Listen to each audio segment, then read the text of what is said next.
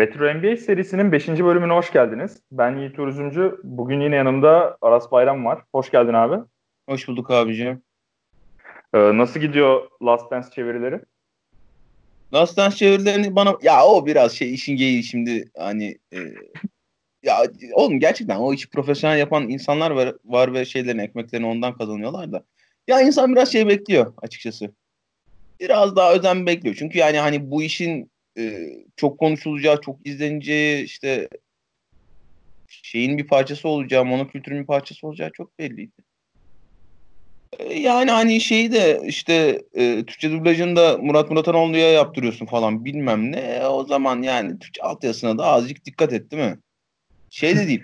Eminim e, çevre arkadaş da olağanüstü yetenekli bir arkadaştır. İngilizceyi biliyordur, Türkçeyi biliyordur ama işte İngilizceyi bilmek, Türkçeyi bilmek yetmiyor. Biraz e, basketbol terimlerine aşina olmak gerekiyor. Ben şimdi kendi yaptığım işten biliyorum. Şimdi bakanlıkta çok fazla öyle hani İngilizce çok çok iyi olan çok fazla insan yok açıkçası. Hı hı. Ee, nerede bir şey olsa bir işte İngilizce metin, İngilizce konuşulacak bir şey olsa bana paslıyorlar. Ya zannediyorlar ki ben şeyim hani yeminli tercüman falanım. Ama öyle değil şimdi. Tabii oğlum sen benden daha iyi biliyorsun. Tıp konusunda o kadar çok terminolojiye hakim olman lazım ki. Geçen bir şey çevirisi yaptım mesela. Ee, ne o göz astı? Tavuk karası, tavuk karası. Allah'ım ya Rabbim yani tavuk karası bilmem nesin çevirene kadar akla karayı seçiyorsun zaten. E şimdi bu da öyle yani tamam hani tabii ki İngilizce bilinsin, Türkçe bilinsin eyvallah ama basketbol da bilmek gerekiyor. Eh yani Netflix bile olsa iş şeye kaldığında, Türklere kaldığında biraz böyle savsaklanıyor herhalde. yani ben de artık şey Türkçe altyazıyı bırakmıştım artık İngilizce altyazıya geçeceğim kesin ya. Yapacak bir şey yok yani. Gerçekten böyle hani çok artık Twitter'da zaten herkes paylaşıyor da rezalet yani çok komik. Ben tam tersi e, bu hafta şey Türkçe altyazıyla izlemeyi düşünüyorum. Çünkü kaçırdım geçen hafta bütün o geyikleri. Acayip merak ediyorum bir düzenleme falan olacak diye. Ben işte Özge ile izliyordum. Böyle kafamı vuruyorum falan böyle deliriyorum. E niye abartıyorsun ya bilmiyor işte falan. Ben bilmiyordur terimleri normal falan diyor. Dedim nasıl bilmiyor olabilir bunun çevirisini yapan bir insan yani. Ya şimdi şöyle, e, şimdi garibi hani sana bana ya da işte bizim çevremizdeki insanlar işte Arma'ya, Arda'ya, Özgün'e falan hani onların çok da umrunda olmaz aslında çevirisi. Esas bu belgeselden etkilenecek olan ve bu belgeselin hitap ettiği kesim e, basketbol terimlerine çok da aşina olmayan kesim olabilir. Bizim anamız babamız mesela. Benim annem de sen, işte seninle girmeden yapalım. Senin annen de izliyor. Benim annem de izliyor. Keyif alıyorlar onlar mesela. Ama benim annem İngilizce bilmez mesela. Kadın e, şey şu anda Scottie Pippen'ı şu anda küçük bir hücum zannediyor mesela. ha, güzel ya. Ee, bu konuyla girdik biraz ama bugünkü konumuz aslında 94 ve 95 Rockets sezonları. İki maçımız var. İki maç üzerinden o dönemi değerlendireceğiz biraz. Ee, 94 Rockets Knicks 7. maçı ve 95 Magic Rockets 1. maç. Oğlum yani evet. şimdi e, 95'teki maç inanılmaz keyifli bir maçmış lan. Muhteşem bir maç o ya. Hani ben şey zannediyordum e, işte oynamışlar sonra Nick Anderson serbest atış kaçmış ve Rockets kazanmış. Öyle bir şey zannediyordum. Öyle kodlamışım kafamda. Şimdi bir de sen daha taze çıktın oradan. İyice şey Evet evet şey 94'ü falan hiç konuşası kalmadı benim. Bir de. Arkadaşlar 100 maç o. Ee, 94 ile başlayacağız ama. ya öncelikle bu takımlar hakkında birkaç bilgi vereceğim. Hı hı. Hani Knicks'e baktığımızda Knicks tam şey hani bir anti Bulls gibi o dönem için. Hani Michael Jordan'ın Bulls'u Pistons'ı dayak yiye yiye sonunda geçmiş. Burada da Knicks Bulls'dan dayak yiyor yiyor yiyor. Bulls bir anda hani ki hani Jordan'sız takımı yenerek geliyorlar da hani Jordan gidiyor ve sonunda işte açıklığımızı bulduk diye finale çıkıyorlar. Ee, bu tam şey Pat Riley'nin gelip bu takımı bildiğimiz o dayak atan Knicks takımına dönüştürdüğü dönem. Burada en önemli detaylardan biri benim gözlemlediğim şey Doug Rivers sakatlanıyor 94'te ve hı Derek Harper'la dolduruyorlar yerini takasla. Hı Derek Harper da o zaman hani bir skorer Dallas'ın skorer gardı olarak geliyor.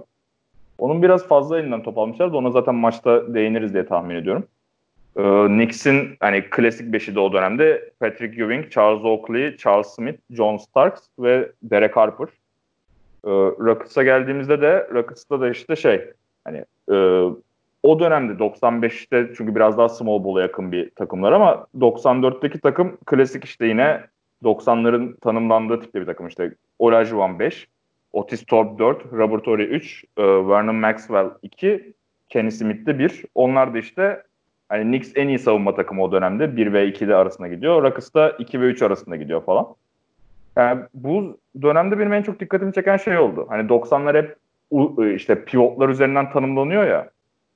Ama hani gerçekten pivotların karşılaştığı seriler tam bu 90'lar 95 sadece. Mesela bunu konuşuyorduk biraz diğer arkadaşlarla da. Hani Bulls'un rakiplerine de öyle pivotlar gelmiyor finallerde. Hani sanki ayarlanmış gibi sadece bu dönemlerde böyle 90'ların tanımlandığı şeyler, eşleşmeler olmuş. Bana biraz öyle geldi. Ee, bir iki tane ufak ekleme yapayım. Ee, üç tane All-Star çıkarmış e, New York. Ee, Patrick Ewing, Charles Oakley. Charles Oakley'nin All-Star'lığı varmış. Ben bilmiyordum. Ben Charles Oakley, John Starks 3 de All-Star olmuş. Ee, acayip sert bir takım bunlar hakikaten. Hı-hı. Maçın içinde biraz daha konuşacağız ama e, o sertliği çok da fazla hani mental güçle bir araya getirememişler. E, kenarda Petrali gibi bir figür olmasına rağmen. Dediğin gibi şey. Savunma verimliliğinde Knicks birinci, Houston ikinci, e, hücum verimliliğinde Houston 15. Knicks 16. E, Knicks 16. E, Knicks'in hani e, çabalaya çabalaya geldiği ve işte e, onun en önemli güçlerinden biri olduğunu söylemek lazım. Zaten hani e, sene başında da beklenen bir şeydi e, Doğu'da final oynayacağı Knicks'in. E, işte New Jersey ile başlıyorlar. Sonra Pippin'ı Chicago'ya eliyorlar. E, Doğu finalinde de şeyi eliyorlar. Indiana'yı eliyorlar. 7 maçta yanlış hatırlamıyorsam. Zaten yayında da söylüyor 107 e, tane maça çıkıyorlar bu sezon. Knicks 107 tane maça çıkmış. Rekor o dönemde. Tabii daha şey de söyleyelim hani e, ilk turda e, playoff'un ilk turda 5 maç üstünden oynanıyor. 3 maçı alan bir sonraki tura geçiyor yani. 107 maçın tamamına Charles Oakley ilk 5 başlamış ve zaten hani maçta çok belli oluyor. Ölü durumda Charles Oakley. Oğlum bir yani şey Laboratory tane şeyden baseline e, oyunundan arayıp vuruyor ya üstünden. Sonra satışıyor Charles Oakley'e. E, Oakley karşılık veremiyor falan. O kadar yorgun ki Charles Oakley'e şey böyle üflesen seni döver yani öyle bir herif. e, ben şaşırtılan şeylerden biri şey oldu. Atlanta Hawks birinci bitirmişti o oyu. Dominik vardır herhalde ama emin değilim Dominik var mı o dönemde 94'te. Yok galiba Dominik. Ee, bilmiyorum açıp da bakmadım. Bir bakmak lazım. Ee, şeyde de malum Batı'da da malum Seattle birinci oluyor ve şey e, ilk turda Denver'a eleniyor. Diken ve Mutombo Den Denver'a eleniyorlar. Tarihin hmm. ilk 1-8 şey galiba sürprizi bu. Aynen. Mutombo'nun da işte malum elinde topla yerde kendinden geçerek sevindiği o 5. maç işte o. Ee, Houston'da Portland'da eliyorlar. Phoenix eliyorlar, Utah eliyorlar sonra. O, hani o özellikle Utah ve Phoenix serileri biraz daha şeydir. E, leksikonu işlemiş şeylerdir. Serilerdir. Az çok biliyordur biz dinleyenler zaten. Sonra geliyoruz şey yani e, yayının başında şeyde Bakas da söylüyor hani şey diyor. Estetik anlamda inanılmaz bir seri izlemedik ama diyor. Hani ve şey diyor. Yani bu hangi takım şampiyon olursa olsun işte Bulls'un yanında, Pistons'ın yanında, Lakers'ın yanında, Celtics'in yanında adı yer almayacak bu takımların ama işte çok çekişmeli, çok kıran kırana bir e, seri oluyor. 7. maç başlamadan önce. Hakikaten öyle. E, e, maçların tamamı yakın geçmiş. İlk maç Rockets 85-78, ikinci maç Knicks 91-83, üçüncü maç Rockets 93-89, dördüncü maç Knicks 91-82, beşinci maç 91-84. Knicks altıncı maç Houston e, 86-84 son maçta işte malum konuşacağız aslında. 90-84 oynuyor. E, iki tane senin dediğin gibi hani e, pivotun üstünde ve sadece şey olarak da değil hani bizim algımız olarak da değil hem savunma hem hücum anlamında da hakikaten e, oyunun olabilecek en temel noktaların tamamen pivotlarına yık- yıkmış iki takım bunlar ki hani hangisinin daha iyi olduğu da biraz serinin sonucunda belirliyor. Son olarak şeyi söyleyeyim sen maça girmeden önce. Ee, Amerika'da yani NBA tarihinde hani şeyden sonra özellikle Bird'le Magic'in lige girip ligi kurtarmasından sonra bu yana kadar seneye kadar en az izlenen final serisi bu. serisi. Hatta şey biliyorsun Beşinci maçta mı? Altın beşinci maçta herhalde. Ee, hani şeyleri o diziyi ya da belgeseli izleyenler bilirler. O.J. Simpson'ın e, arabasıyla kaçtığı ana denk geliyor beşinci maç. Ve işte o hani o dönemlerin küçücük ekranlarında bir anda şey şey açık oluyor. İşte altta sağda köşede. E, O.J. Simpson'ın kaçış görüntüleri. O Broncos'uyla o çok işte ikonik kaçış görüntüleri. Hani o kadar şey ki maçla alakasız ki millet. Kimse izlemiyor o anda maçı. Böyle spor barlarında falan şeyler açılıyor. O.J. Simpson'ın kaçışı açılıyor. Bunu bilmiyordum bak çok iyiymiş bu. Bilmiyor muydun? Yok, ben Geçen e, Mike Breen şey, ya O.J. Simpson muhabbetini biliyorsun ama değil mi? O.J. Simpson muhabbeti biliyorum ama belgeselini izlemedim. Yani ee, hikayeyi çok kesik kesik biliyorum. Yani vesileyle şey yapmış olayım hani onu da e, önermiş olayım böyle Last Dance bu kadar konuşurken O.J. Made in America belgeseli 2000 2015 mi ne? Ya 10 bölümlük olağanüstü bir belgesel. Sadece şey değil hani belgesel olarak bir spor sadece bir spor belgesel olarak değil, sadece bir belgesel olarak değil. Ben son 10 senenin en iyi filmlerinden biri. Ya olağanüstü bir iş. Ee, sadece şey değil işte malum O.J. bir e, sevgilisini öldürmekten yargılanıyor. Ee, onu sadece şeyle değil hani OC üstünden değil de bir Amerika'ya bir bakış olarak çok da alegorik bir şekilde anlatan bir belgesel. Olağanüstü bir iş. Hani o biraz ağır ve yavaş gelebilir. Gayet normal. Ee, aynısının şeyi de var. American Crime Story diye dizisi de var işte Ryan Murphy'nin çektiği. Ee, o da gayet hani sürükleyici, gayet güzel. Bir, inanılmaz bir hikaye o zaten. İkisini de tavsiye etmiş olayım. Belgesel çok çok daha iyi ama dizide çok rahat izleniyor yani. Neyse şey geçen Mike Breen çıktı şeye e, Zach Lowe'un podcastine. E, Mike Breen o dönem şey New York'un işte bu finale oynadığı dönemde şeymiş. E, Knicks'in radyo spikeriymiş. Radyoda Knicks'in maçlarını anlatıyormuş. Hı. Şeyle birlikte. Wolf Fraser'la birlikte. Bunu biliyor muydun? Bunu da bilmiyordum. Muhteşemmiş ben bilmiyordum. Ben o kadar sevindim ki böyle bir şey bulduğuma. E, ilişki bulduğuma onların arasında. Hani şeyleri meşhurdur onların televizyon programları falan meşhur. Ben radyodan da tanışmaya başladıklarını bilmiyordum. Mike Breen'in oradan çıktığını hiç bilmiyordum. Radyodan çıktığını hiç bilmiyordum yani. Ee, o anlattı Zach Bava işte bu şeyde 5. maçta şeyin yanında Mike Breen'in yanında o şey anlattığı spiker masasının or- orada bir yandan da ufak bir televizyon açık ve oradan O.J. Simpson'ın şeylerini izliyor, görüntülerini izliyor. Şey diye anlatıyor ya inanılmaz bir şey işte gözüm koyuyor. Bir anda New York Knicks işte yıllar sonra finale çıkmış inanılmaz bir şey benim için onu anlatıyorum falan filan. Şey dedim diyor ya işte Hani kapatayım ben bunu çünkü dikkatim dağılıyor. Maçı anlatamıyorum doğru düzgün dedim diyor. Madison Square Garden'da Mike Bill'in arkasında oturan insanlar şey demiş. Lan açsana izliyorduk biz onu demiş. hani milletin o kadar alakası yok. Ne maçla ne seriyle Madison Square Garden'daki insanların falan bile. Ee, ama şey yani hani sonuç olarak hakikaten en azından yani basketbol kalitesi anlamında değil ama yakın geçmesi Frankfurt'a geçmesi anlamında güzel bir maç. Bir de şey hikayesi de var mesela bunu unutmuştum ben tekrar böyle yani birkaç not araştırırken tekrar buldum. Ee, Ewing ile Hakim bile kolej finalinde karşılaşan bir ikili aslında. Öyleymiş evet ben e, bugün yayını izlerken öğrendim onu da. Hı hı. Ve hani aslında e, çakma bir Magic Bird hikayesi gibi yani o da. O zamana bakarsak özellikle koleje çok takıyor ya Amerikalılar kolej performanslarını vesaire. Ve o zaman Ewing kazanmış biraz da hani spoiler hani 7. maçın sonucunu bilmeyenler için hakim öcünü alıyor. Ee, evet ama şey de söyleyelim. Patrick Ewing'in takımı yani Georgetown hani şey olarak takım olarak çok çok daha iyi bir takım. Houston'ın onu şeyde değinmek istiyorum. Aslında 95'e geldiğimizde değinmek istiyorum da Houston'ın o kadro da şey ne Fiesla Mecema çok şey ünlü bir kolej takımı. Clyde Drexler falan da oynuyor orada ama 84'te yok tabii Clyde Drexler. Ee, buradan da maça geçelim. Geçelim. Evet sen zaten şeyden bahsettin hani çok fiziksel geçmesinden vesaire. Yani dediğim gibi bu seri özellikle bu maçlar tam şey ya hani 90'lar şöyle 90'lar böyleydi diye tanımladığında göstereceğin maç olur herhalde. Hani tek seri falan bence. Çünkü işte 90'ların Bulls'u da biraz konuştuk seninle abi. Hani Magic falan da konuşacağız.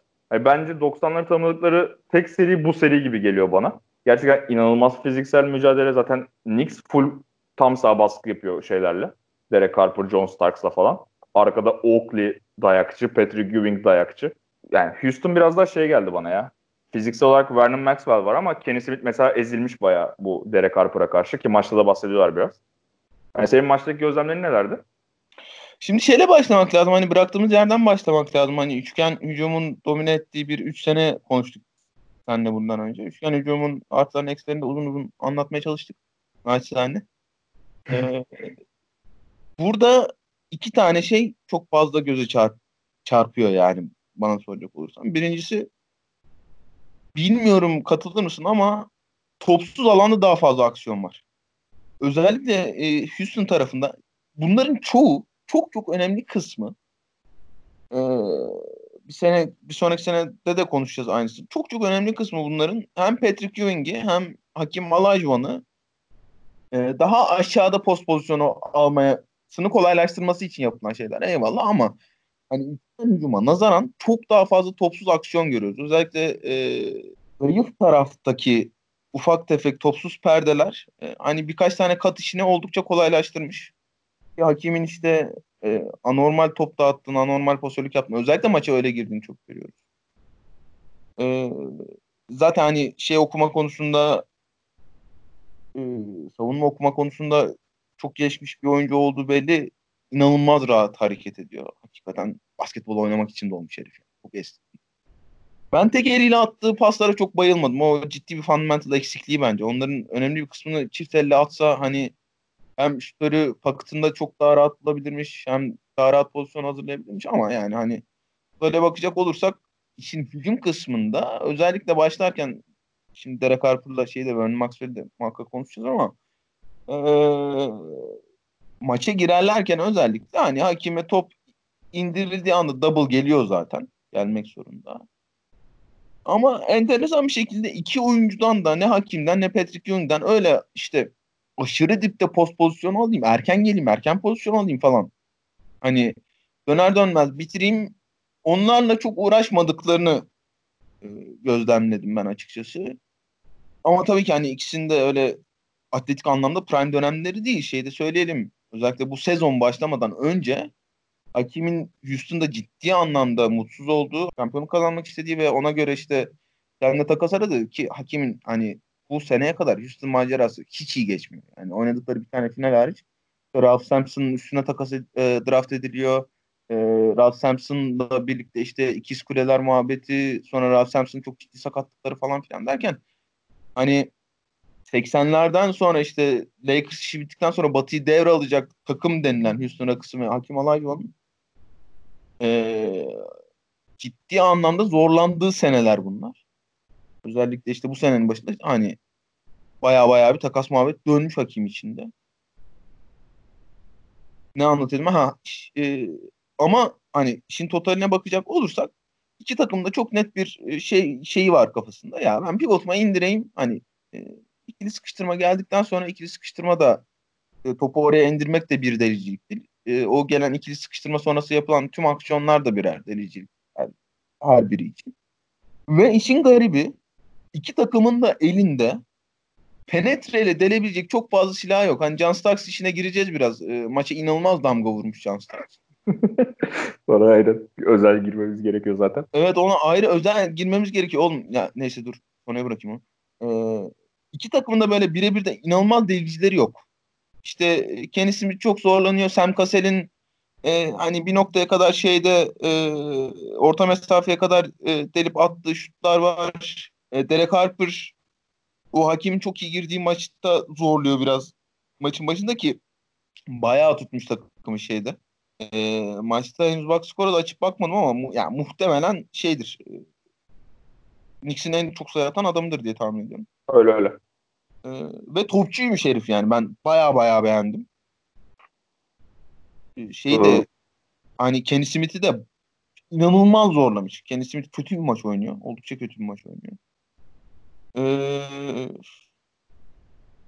ha onun dışında işte şimdi birebir de delemeyince hani pivota top indir, pivota top indir, pivota top indir, pivota top indir kısmında biraz anlamaya başlıyoruz. Çünkü başka hiçbir şansları yok.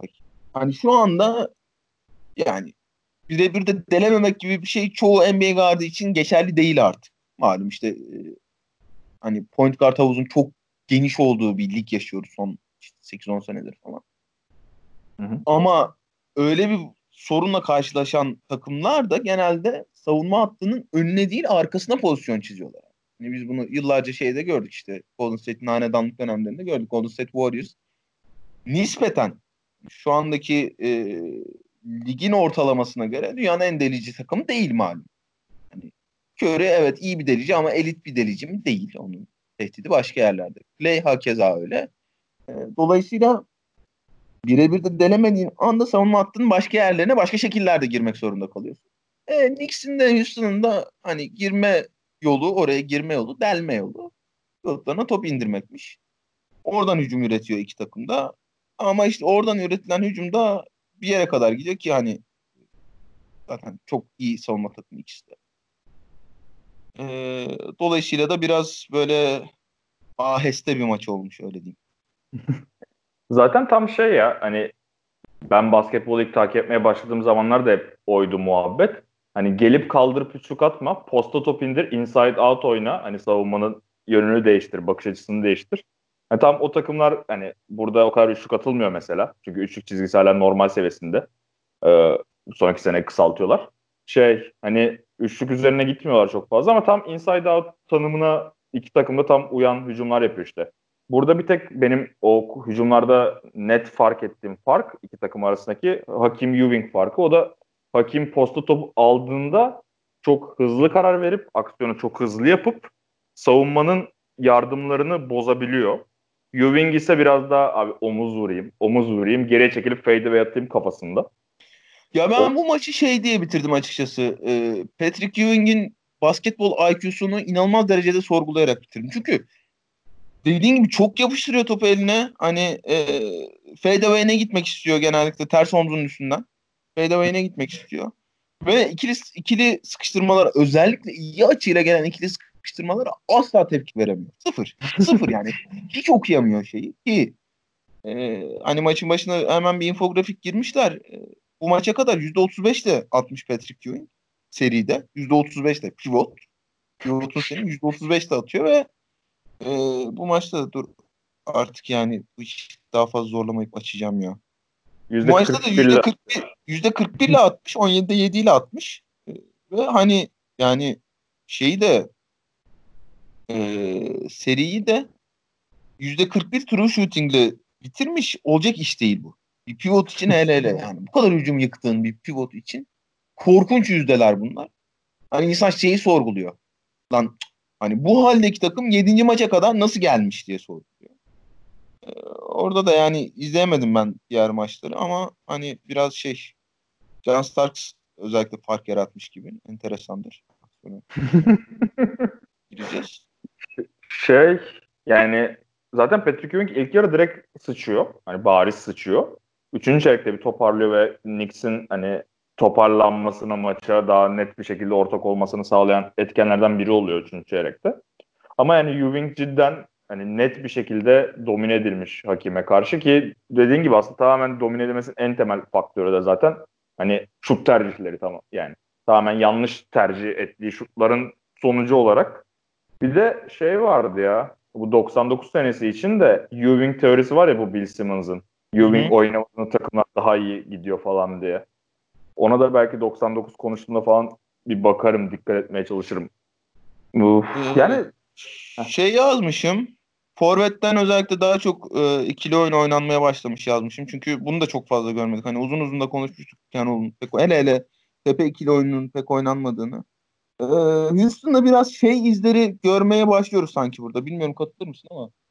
Hani ya işte maksimum spacing'i sağlamak adına dört dışarıda oynayabilir miyiz konulu. Yani tamamen dört dışarıda gibi değil. Bir sonraki sene daha fazla göreceğiz bunu ama e, biraz daha hani en azından iki oyuncu, iki buçuk üst oyuncu üçlük çizgisini geride bırakırız, gerisinde bırakırsak Hakim Olajuwon'a daha fazla alan açabiliyoruz otomatik. Aa çok enteresan hani devrimsel bir şey olur mu bu gibi değil de özellikle yani üçüncü çeyrekte falan yüksek posta hakim topu almaya başlıyor. Alçak posta adam var. Olacak iş değil yani. Hani şu anın şartlarında yani bırak hakimin olduğu tarafta tarafın alçak postunda adam olmasını öbür tarafın yüksek postunda bile adam olmuyor artık. Başka bir basketbol oynanıyor hala. Otis Thorpe'la alakalı ya. Ben Otis Thorpe'u ee, daha iyi Heh, şey, Otis Thorpe'la alakalı diyorum. Hani ben onu daha iyi bir oyuncu olarak hatırlıyorum. Belki bu kötü maçına denk gelmişizdir de Thorpe'u ben çok beğenmedim yani maçı izlerken. Yok Otis Thorpe'un yani benim e, benim belleğimdeki yeri Otis Thorpe'un şey böyle e, fizikli reboundçudur. Hani onun dışında çok bir özelliği varsa bile ben hatırlamıyorum ki e, bir sonraki sene takaslanmasına kızmış falan millet. E, neye kızdılar çok anlamadım. Özellikle şeyde Rockets'ın hani zaten daha atlet bir takım işte e, Robert Torres olsun, e, Kenny Smith olsun dikine de çok daha hızlı bir takım görüntüsü veriyorlar yani. Vernon Maxwell de öyle hakeza. E, Carl Herrera diye bir adam atıyor Tom Jones'un sahaya ki hani 20 dakika falan oynuyor sanırım. O, o herif kimdir, nedir, necidir, ne yapıyor falan hiçbir fikrim yok benim. Pek bir numarasını da görmedim. Herif yani Camario Moon kadar atlet olmayan Camario Moon gibi geldi ki Camario Moon'dan atletizm alınca da pek şey kalmıyordu. Ee, şimdi bakacağım şeyine, kariyerine ne yapmış, ne etmiş diye. Çok bir kariyer ee, Bayağı bir 20-25 dakika oynamış yani. Efendim? Ben de çok tanımıyordum. O yüzden merak edip baktım. Çok bir olayı yok ama o maçta ekstra oynuyor nedense. Tam anlamadım ben de. Ya Sen... inanılmaz şey. E, inanılmaz enerjik. Ha söyle.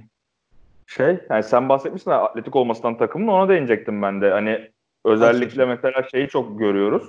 Hani New York Knicks'in yarı sahadaki hani dominant savunması diyebiliriz. Onu ondan biraz uzaklaşmak için Rockets daha çok koşmaya çalışıyor mesela maçta. Açık alanı kullanmaya çalışıyorlar yani. Evet evet zaten şey hani e, sete sete oturduklarında ya çok oturmak istememiş sete sete Rudy Tomcan'ın. Çünkü dediğin gibi aşırı sert hani aşırı yıpratıcı bir savunma işte 7. maç hani şeyde söyledik 100 maçın üstüne oynuyor. Ee, ama öyle ya da böyle hani hafif daha genç, hafif daha atletik bir takım özellikle şeye de maça da öyle giriyorlar. Biraz geç hücumu kovalayarak giriyorlar. Öte yandan Knicks'in temel problemi hücumda özellikle e, Ewing'in o post pozisyonunu almak için çok da fazla mücadele etmemesi. Bana soracak olursan ki üçüncü yarı öyle başlıyorlar. Knicks ufak bir şeyle dönüyor zaten. E, seriyle dönüyor şeye şeyden. E, devreden muhtemelen Petra ile Azar'ı kaymış şeye. Patrick Ewing'e. Patrick Ewing özellikle üçüncü çeyreğin hemen başında 2-3 pozisyon üst üste e, çok da aşağıda pozisyon almaya çalışıyor en azından. Bir iki tane de o cross screen denilen e, çember altı perdeleriyle oradan biraz pozisyon yaratmaya çalışmışlar. Orada ufak bir seri yakalıyor şey. Knicks ama yani hani totale bakınca şey gibi e, Houston'ın özellikle Hakim Olajuwon'dan kaynaklanan kalite farkı biraz göze batıyor gibi geldi bana. E, şey kısmına gelmeden önce biraz inanılmaz şeyler almışım burada. E, notlar almışım. Onları anlatayım. Birincisi e, Knicks maça çıkarken işte toplanıyorlar. E, şöyle yapacağız, böyle yapacağız falan diyorlar. E, toplandıktan sonra Patrick Ewing takımın en arkasına çıkıp en son çıkıyor sahaya. Muhtemelen totem var. E, totem muhabbet devam ediyor. Bir noktada orta ya ortada hiçbir şey yokken Rudy Tomjanov için eşini gösteriyorlar.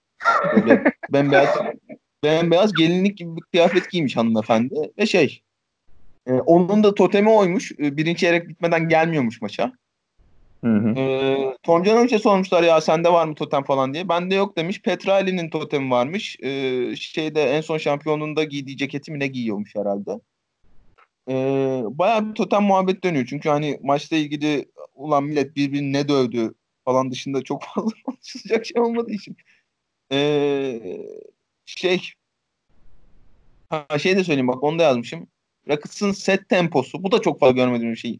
Yine muhtemelen e, şeyden dolayı, üçgen hücumdan dolayı ama set temposu. Takımın kendi temposu değil. Geç isteğini sadece kastetmiyorum. Set temposundan bahsediyorum.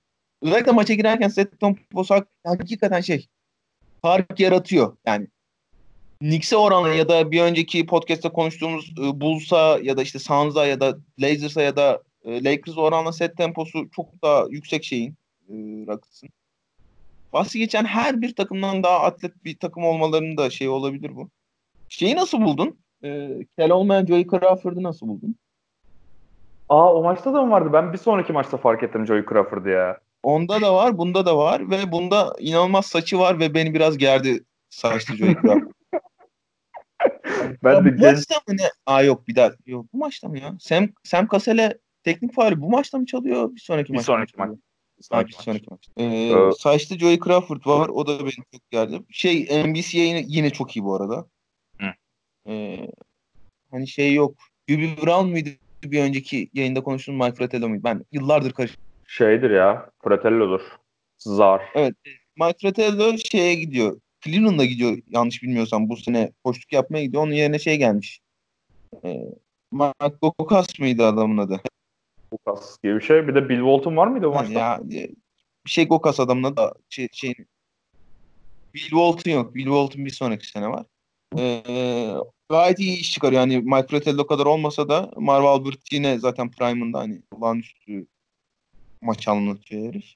Ee, onların haricinde ha şey yazmışım. Ee, Patrick Ewing'in inanılmaz moving e, screenlerine denk geldin mi? bir tane falan ya çok dikkat etmedim. Oakley'ninkilere falan dikkat ediyordum ben. Oğlum inanılmaz yani millet şey işte Andrew Bogut Tristan Thompson'a falan kızar. O Çarlar bu maçı izlese şey e, televizyonu falan kırarlarmış yani. Herifin sabit durur bir tane perde yok. Bir tane yok. Ve çalmıyorlar. Bir tane falan çaldılar. Şey olsun diye. İlaç için çaldılar onu da muhtemelen. Ee, onun dışında hani Derek Harper'dan bahsettik. Ee, Sam Cassell oyun sıkışısında da çaylak sezonu sezonu. Sam Cassell'in ilk sezonu. Malum onun e, inanılmaz taşaklıyım sevinci vardır. Ee, daha çaylak sezonunda hakikaten taşaklı topçuymuş yani. Çok çok iyi maç oynamıyor ama maç sıkıştığında e, toptan korkmayan Hakim Alayvan ve şeyle birlikte Vernon Maxwell ve Derek Harper'la birlikte e, sahadaki dört oyuncudan biri John Starks da toptan korkmuyor ama biraz korkması lazım. Şimdi tam da o konuyu konuşacağız sanıyorum. Ee, benim notlarımda da bu arada Cassell topçu, Derek Harper topçu yazmışım. Şey işte. Ki maç içinde de bahsediyor bu arada yorumcular. Derek Harper'ın deliciliğinden falan o maçta hani biraz bahsettin sen de hani guardların çok deliciliği yok. Derek Harper bence aslında o dönem için özellikle hani spacing'i de göze al hani onu da hesaba kattığımızda bayağı delici o maçta ama uzaklaşıyorlar. Anlamsız bir şekilde uzaklaşıyorlar ondan. Neden olduğunu çok anlamadım. Ki yine John Stark kısmında konuşacağız bunu.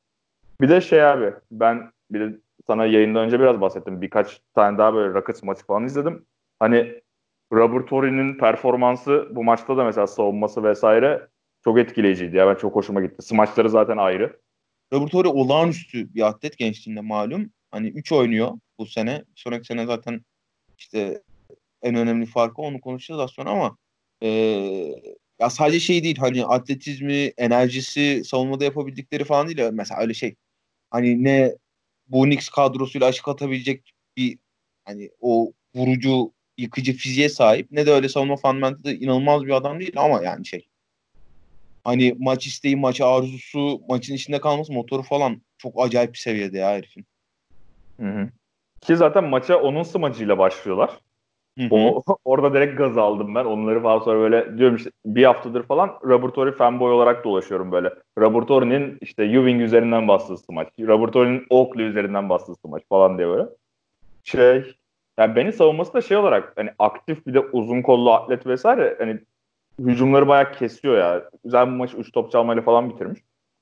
Ben bayağı beğendim. E son olarak da işte bu maçın asıl hikayesi. John Starks ki maçı izler izlemez direkt sana yazmıştım abi zaten Twitter'da. Yani sen bahset istersen biraz. Yani John Starks bu maçı nasıl satmış? Ya şimdi şeyden bir bahsedelim. Hani e, işin nasıl bu noktaya geldiğinden bir bahsetmek lazım. Hı hı. E, 6 6 maçta bu 7. maç malum. Bundan önce seride oynanan 6 maçın tamamında New York Knicks 4. çeyreklerde daha fazla sayı atmış üstüne. 6. maçın son çeyreğinde Patrick Ewing sayı atamamış. John Starks'ın 4. 5. ve 6. maçların 4. çeyreklerinde sırasıyla 11 11 16 sayısı var. Yani hani e, yayında da konuşuluyor ya Patrick Ewing pardon e, Petrali niye John Starks'a gidiyor sürekli deli mi bu herif falan diye ama yani bazen yaşadığın tepede ölüyorsun. Hani bu dünyanın en doğru bakış açısı mı? Basketbol başka bir şey mi istiyor? Daha işte makyavelist bir bakış açısı mı istiyor? Koçlardan e, falan sorusu işte yıllardır konuşulur zaten. Ben biraz daha o tarafa daha yakınım. Hani John Stars olmuyorsa ya bırak topu vermeyi oturt. Oturt artık yani. Ama evet. Petrali bu ana kadar hani beni buraya getiren John Starks oldu. Ben John, John Starks'la yaşadım. John Starks'la öleyim demiş ama abi böyle bir ölmek olamaz. böyle bir ölmek olamaz. Yani abi şey anlarım. Ya bir tane attın girmedi. Tamam ya dersin ki ya ben, ben bu takımın dördüncü çeyrekçisi benim. Taş kılıç anlarını ben oynuyorum. İşte takımın en iyi delicisi benim. En iyi kısa skoreri benim. Top benim elimde olsun. Abi ikincisini attın girmedi. Üçüncüsünü atıyor şey. Şey falan olsa ya işte çembere gittim bitiremedim. Çembere gittim faal aldım. Çizgiden ikide bir attım ama işte çizgiye gittik. Ya da ulan bir üçlük attım içinden çıktı. Falan. Ya öyle bir şey de yok ki. Taş atıyor herif. Tuğla atıyor. Yani böyle bir atamamak olamaz ya. Bir insan bir şut hangi yollarla kaçırılabilirse o yolların hepsiyle kaçırmış o şutu ya. İnanamadım ben. Oğlum sonlara doğru son 3 dakikada falan şeye bakamamaya başladım ben. Maça bakamamaya başladım. Cringe yaşıyorum artık çünkü. O kadar utandım ki Jan Starks'tan. Ki hiç de sevmem. Günahım kadar sevmem. Yani heriften utanmaya, acımaya falan başladım artık ya. Kaçırdı ee, da kaçırmış. Kaçırmış ya demiş ben biraz daha kaçırayım biraz daha kaçırmış. O azıcık e, daha kaçırayım demiş onu da kaçırmış ya. Daha nasıl anlat sen anlat dedim bana ama benim anlatacağım bu yani. Hani şey falan diyemeyeceğim çünkü. Abi yani hani şut mekaniği bozuklar var oğlum. Bozuk herif komple bozuk ya. Ben hayatta bu kadar kötü yemin ediyorum bu kadar kötü performans izlemedim ya. Bir yerde potaya gidiyor faal oluyor 2'de 2 atıyor. Hani oradan sonra dersin ki ki bahsettin sen yani şutörler için öyledir. Hani girdikten sonra bir psikolojik rahatlama olur genelde. Ki köşede bir tane böyle tam ritimli bir çünkü çok zorluyor John Starks burada. Petrali de onu çok zorlamış bence. Petrali'ye de burada hani sen de biraz bahsettin abi. Ya, yazar bu. Hani boş şutta kaçırıyor. Artık hani ritimli boş şutta kaçırdıktan sonra bir de sıcak elin varken Derek Harper gibi. Dersin ki hani özellikle de 7. maç bu. Hadi onu deneyelim falan dersin. Hayır. Bir daha. Bir daha. Per, moladan çıkıyorlar, perden çıkıyorlar bir daha. Hani bu maçı hiç izlemiş ve hiçbir fikri olmayanlar için bu maçta John Starks 11'de 0 üçlük atıyor. Yani ve bu 11'in herhalde 7'sini falan son çeyreğin sonunda falan kullanıyor ya. Yani inanılmaz bir seri orası. Oğlum yani 7'sini son çeyreğin sonunda kullanıyor. Yemin ediyorum bak 7 şutun en iyi yönlerini alsan bir tanesi basket olmaz. bir tanesi olmaz. Hele en son attığı şut bomboş. Bomboş. 5 metre yanında kimse yok. Çemberi yemin ediyorum 5 metresi kalıyor top. Hayatımda izlediğim en kötü şut. Benim 3 yaşında kızım var. Ona basket normal basket topuyla basket potasına attırsak ancak o kadar kötü atabilir ya. Yani Abi şey... bir noktada da yani sen şey der ya lan hani ya benim de bir anam babam var. Herkes geçti de onlara rezil oldum. Atmayayım artık der ya. Attıkça atmış herif. Millet de işte bunu takdir ediyor Allah. Korkmadı toptan ya. Keşke korksaymış toptan yani maç içinde en ironik olan şey bu John Starks bu kadar üçlük salladıktan sonra ve maç artık koptuktan ve Houston partilemeye başladıktan sonra Vernon Maxwell yerlere atıyor falan kendini sevinçlerle. Şey Hubert Davis'i sokuyor. Önce Hubert Davis bir tane üçlük atıyor. Sonra Derek Harper geliyor ve bildiğin hani şu an işte Curry range, Lillard range diyeceğin yerden üçlük kaldırıp sokuyor bir tane. Ve bir anda böyle üç sayı falan iniyor fark. Bir anda Houston'ın eller titriyor falan ne yapacağız ne yapacağız oluyorlar. Yani bir iki dakika önce deneseydiniz keşke bunu dedim yani orada. Ee, o şey çok iyiydi ya. Vernon Maxwell e, serbest atış kaçırıyor ve yeri yumrukluyor ya. Aynen. Ee, üç dakika kaldı maçın bitmesine. Ee, hani yeri de yumruklamasam iyi olur. Şimdi elim acır macır parmağıma bir şey olur falan. Herif bayağı bildiğim yumrukluyor yeri, yeri yani. Serbest atış kaçırdığı için. Vernon Maxwell ama şey ya o eski kudurtuculardan yani bayağı böyle psikopat bir herif. Çok hikayesi vardı onun delilik hikayeleri. Kenny Smith falan. Tabii de şey hani e, mental anlamda maçın sonuna kadar hani maçın başından sonuna kadar diyeyim güçlü kalan nadir oyunculardan biri yani. Çok çok iyi giriyor maça. Çok iyi bir e, özellikle çok iyi bir dördüncü çeyrek oynamıyor ama hani maçın tamamında ya yani bu böyle bir ağırlığı kaldıracak çünkü işte hakim yoruluyor işte şutları girme, girmeme başlıyor fadeaway'leri falan girmemeye başlıyor yavaş yavaş ee, hakim bile çok böyle yani hani inanılmaz bir hücum performans sergilememiş. Vernon Maxwell tam tersi. Ee, hani mental anlamda sahada güçlü kalabilen nadir oyunculardan biri hatta şeyle birlikte Derek Harper'la birlikte ki onun da bacaklar gitmemeye başlıyor bir noktadan sonra. Derek Harper'la birlikte herhalde e, iki takım içinde sahanın en iyi oyuncusu diyebiliriz onlara. Ya Vernon Maxwell'i ben çok beğendim ki bir sonraki sene göremiyoruz onu sakatlığı nedeniyle. Hı hı. Ama hani o zaman için işte hani hem guard rolünü üstlenebiliyor hem hani biraz ki o zaman John Starks aslında kısa bir guard da hani savunmacı forvet savunabilir üzerine atarsın biraz kısa da olsa adam aynı zamanda şutu var ne kadar yüzdeleri hani şu an baktığımız artık kötü gözüküyor olsa da hani üçlük denemekten korkmayan çekinmeyen bir adam. Ee, yani Vernon Maxwell'i bayağı beğendim bu maçta ben de. Yani zaten dediğin gibi bu maç aslında hani John Starks'ın rezil performansı da var tabii de yani biraz Hakim vs. Ewing'de ve Hakim'in üstünlük kurmasıyla şey yapıyor. Tanımlanıyor yani. Ya zaten şeye bakacak olursak e, serinin tamamına bakacak olursak e, şey hani hiç yakın değiller. Ve bu maçta da aralarındaki kalite farkı falan o kadar net belli oldu ki ya Patrick Ewing topu yere vurduğu an mallaşıyor. Mallaşıyor yani. Başka bunu, bunu anlatacak başka bir tabir yok yani. Bayağı mallaşıyor onlar. Yere vurdum ama top yere vurulduktan sonra ne yapılıyor falan dedi. Hakim tam tersi hani e, şey okuyor, e, savunmayı okuyor, işte şeyleri görüyor, savunma rotasyonlarını görüyor, savunmanın özellikle pas atarken savunmanın her zaman bir adım önünde e, şey yapıyor. Zaten işte 7 asiste bitirmiş maçı da. Çok çok iyi şut attı, çok çok iyi hücum ettiği bir maç değil hakim. Ama yani hani hücumunu etrafına kurduğun bir e, figür olarak Patrick Ewing'in çok çok önünde oldu çok belli. Yani. Zaten hani de şey şeyde söyledim %36 ile bitirmiş seriyi Patrick Ewing yani bu seviye bir pivotun yüzdesi bu, bu olamaz. Olamaz yani. Olamaz. Ya böylece de Houston ilk şampiyonluğunu kazanıyor. Bu seriyi böyle kapatalım abi o zaman. Yani 95'e geçerken önemli bir detay var. NBA için önemli bir detay. Üçlük çizgisini kısaltıyorlar. Belki hani bölümün başında da bahsettiğin bu reytinglerin düşmesiyle alakası olabilir. Belki daha hareketli bir oyuna çevirelim diye. Ben öyle tahmin ettim en azından. Kesin öyledir. Yani sadece hareketlilikten değil. Şimdi e, NBA'in dört tane starı şu noktada 94-95 sezonunda Hakim Olajuwon, Patrick Ewing, e, Shaquille O'Neal ve David Robinson. Hı. Şimdi bu dördünü de maksimize etmek adına yapılabilecek en kolay şeylerden biri üçlükleri fazlalaştırmak. Çünkü hani ya oğlum şimdi biz burada işte izliyoruz, konuşuyoruz, bilmem ne yapıyoruz, şunları yapıyoruz.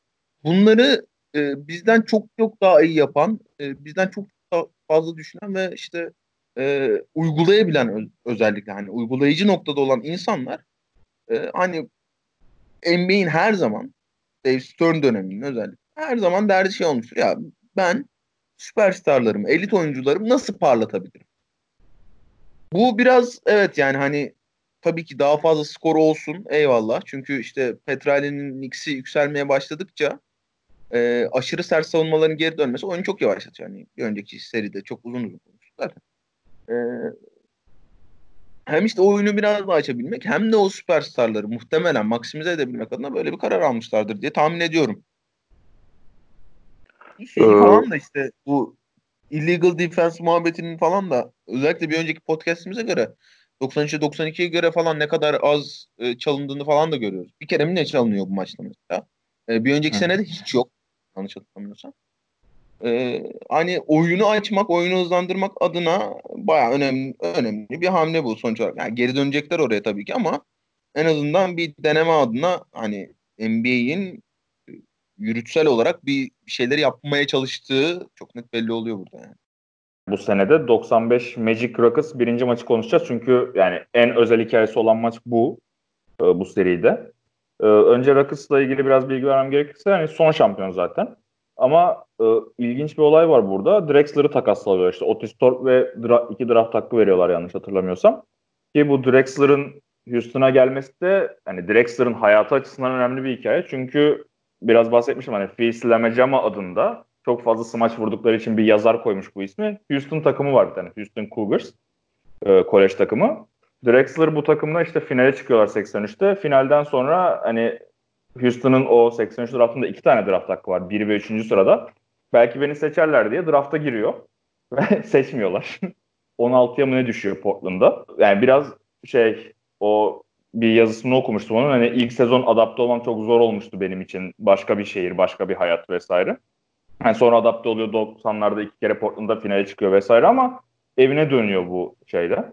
Orada bir de ilginç olan Drexler döndükten sonra abi 35 maça çıkıyor. 17 galibiyet 18 yenilgi Houston bu 35 maçta. Hı hı hı. yani benim en anlamlandıramadığım olay buydu sanırım. Hani o takımın niye kötü gittiğini o sezonu hani takip etmediğim için doğal olarak hani sadece hikayelerini biliyorum. Çok garipsedim yani. Çünkü kadro olarak da iyi bir takımlar. Hani 94'te Hakim tek yıldız artık iki yıldızlar vesaire şeklinde uyumlu bir kadroya benziyor ama çok kötü geçirmişler Drexler dönemi ve 6. sıradan giriyorlar playoff'a. Daha sonra ilk turda e, 3-2 Utah'ı eliyorlar. İkinci turda yine Suns'ı 4-3 eliyorlar ki bu da artık yani Barkley, Phoenix şanssızlığı da bu dönemde hani hep 7'de hep 7'de gitmişler Suns şey Rockets'a. En sonunda Batı finalinde Hakim David Robinson'ın içinden geçiyor ve 4-2 eliyorlar. Burada bir de ilginç bir anekdot Houston adına şeydi benim için. Ben 6. maçı da izledim işte yeni. Şey, Robertori 5. maçtan sonra 4 numaraya çekiliyor. Ee, ve yani gerçekten ondan sonra tüm maçları kazanmışlar. Bir sezon sonra Robertori'yi tekrar 3'e çekmişler. Muhteşem ya. Bir sonraki sezon 3 mü oynamış gene? Bu bir tane Chucky Brown diye bir herif var ya hiçbir şey Maalesef, yapmış. maalesef evet. O o giriyor işte ilk 5'e. Hani 3 numara hangisi 3 numara tartışılır ama şeyde basketbol referance'da ona 4 bunu 3 diyorlar hani. Ki yani bir tane daha böyle topla üretebilen kanat yerine kabız zaman koymuşlar oraya. evet evet evet baya baya kabzımal yani hani başka hiçbir numarası yokmuş da ya zaten dur oraya sonra geliriz. Hı hı. Ee, buradaki en önemli şey yayında söylüyorlar bunu. Ee, o sene NBA'deki en iyi galibiyet yüzdesiyle bitiren 3 takıma eler, elerek geliyorsun. Hı hı. İşte Utah, Var. Phoenix, San Antonio. Yani e, üçü de şey NBA'nin zirvesinde o sırada ve üçünü de elemişler. Ee, öte yandan Orlando zaten hani yayına da öyle giriyorlar. Daha ilk, ilk maç yayını olduğu için şey işte geleceğin takımı e, Penny var, Shaq var. İşte Shaq zaten yayın boyunca konuşuyor ya işte hayatının bir noktasında muhakkak şampiyon olacak işte lige damgasını vuracak. Ama işte bu sene mi olur seneye mi olur belli değil. Ama işte bundan sonra e, bu meşaleyi teslim al- alacak takım Orlando falan diye. E, hakikaten şey bir takım yani izlemesi inanılmaz keyifli bir takım. Penny Hardaway falan öyle bir giriyor ki maça ben çok özlemişim Penny Hardaway'i. İyi yani sakatlanmadan önceki Penny Hardaway'i.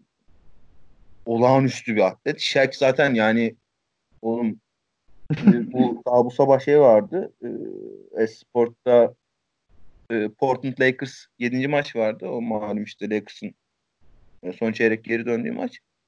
Yani 5 sene var aralarında. 2000 değil mi o maç? Evet 2000. 95 konuşuyoruz şu anda.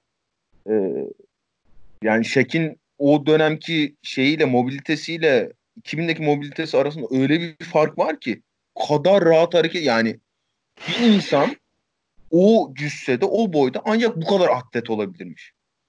Şey gibi, geyik gibi koşuyor şey ya sahaya. Ve ben şeye inanamadım zaten en fazla maç boyunca.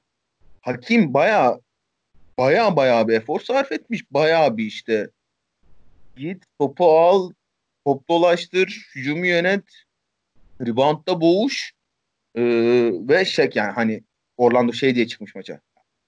Bizim geçiş hücumunda hakim mutlaka zorlamamız lazım. Elimizde Şak gibi işte olağanüstü e, sağa koşan bir pivot var. Her pozisyonda, her pozisyonda, rebound'ı almadığı her pozisyonda Şak yaldır yaldır şeye koşuyor, hücuma koşuyor. Hakim de arkasından. Ve hani tempo olarak eşleşebilmiş da işin garibi.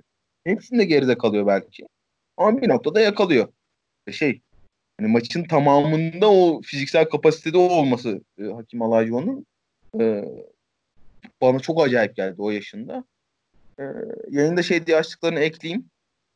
Hakime şey diyorlar hani e, şu anda e, ligin tartışmasız en iyi oyuncusu falan diyorlar. Olağanüstü bir playoff geçirmiş. Sen şimdi ben sadece istatistiklerden bakıyorum. Sen Spurs serisinde şeyi de izlemişsin. Maçı da izlemişsin.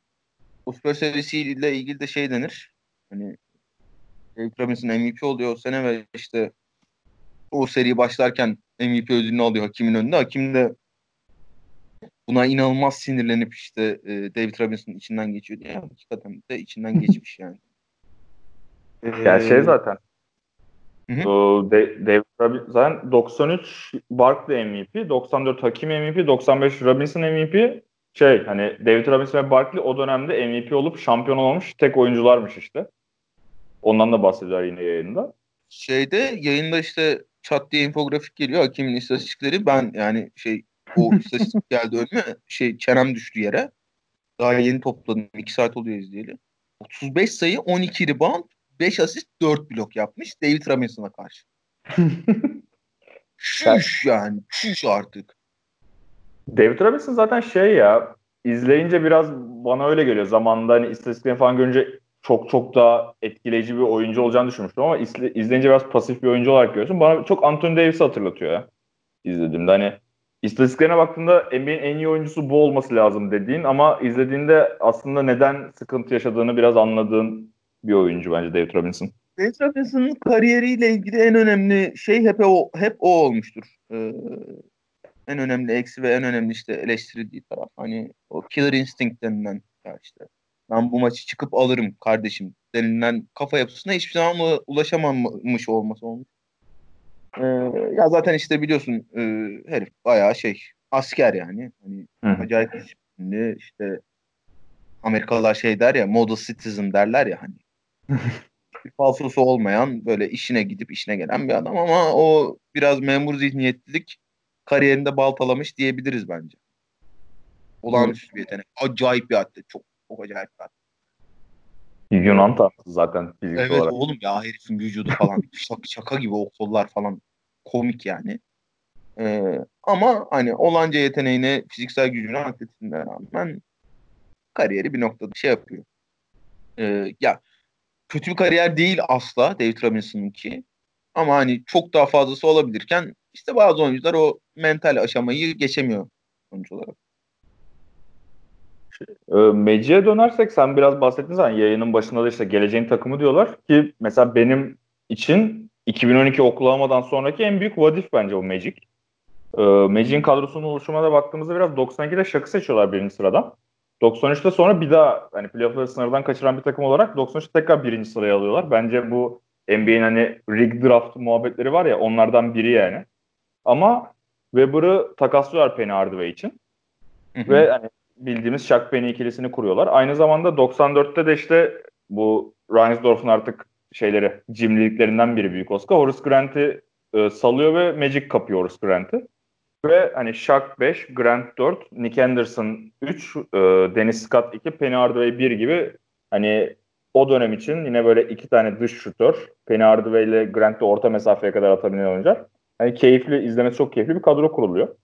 Ve bir sene önce süpürül onları... Bu arada şeyi de söyleyelim hani e, pardon ben ben gene senin sözünü böldüm. Yok yok sorun değil. Yok sadece şey diyecektim. E, Nick Anderson da boş topçu değil. Hani e, Penny gelmeden şeye Orlando'ya e, baya böyle 20 sayı atan işte 6 reboundını çeken işte 4 asistini yapan falan hani gayet böyle şey e, elit seviye rol oyuncusu diyeyim. Hani elit seviye bir oyuncu değil asla ama yaptığı rolde o takım için e, kariyeri bu.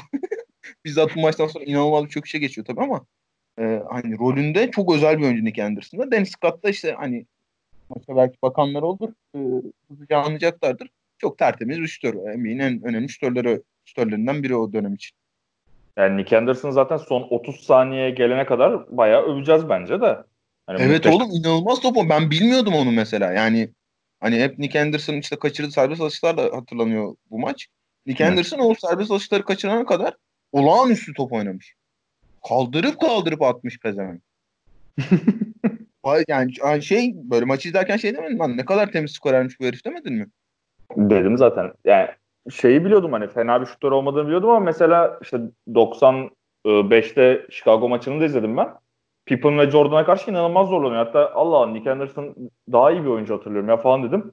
Sonra işte bu maçla ha işte hatırladığım Nick Anderson bu da yani. Çatır çatır oynuyor. Zaten maçta bir süre Houston'a karşı kafa tutan adam falan oluyor. Ya oralara gelmeden önce şeyden bahsedecektim. İşte. bir sene önce e, ilk turda 3-0 eliyor Pacers Magic'i. Daha sonra bu sene işte Chicago'yu eledikten sonraki hani 90'larda Pistons dışında Jordan eleyen tek takım bu. Hı hı. O açıdan da hani aslında ne kadar Jordan'ın tam sezonu olmasa da bir bayrak teslim sezonu olabilirmiş tarihsel açıdan baktığımızda. Ee, işte onu eledikten sonra Pacers'ı 4-3'te geçip finale geliyorlar ve finale geldiklerinde aslında benim anladığım kadarıyla biraz favori gibiler.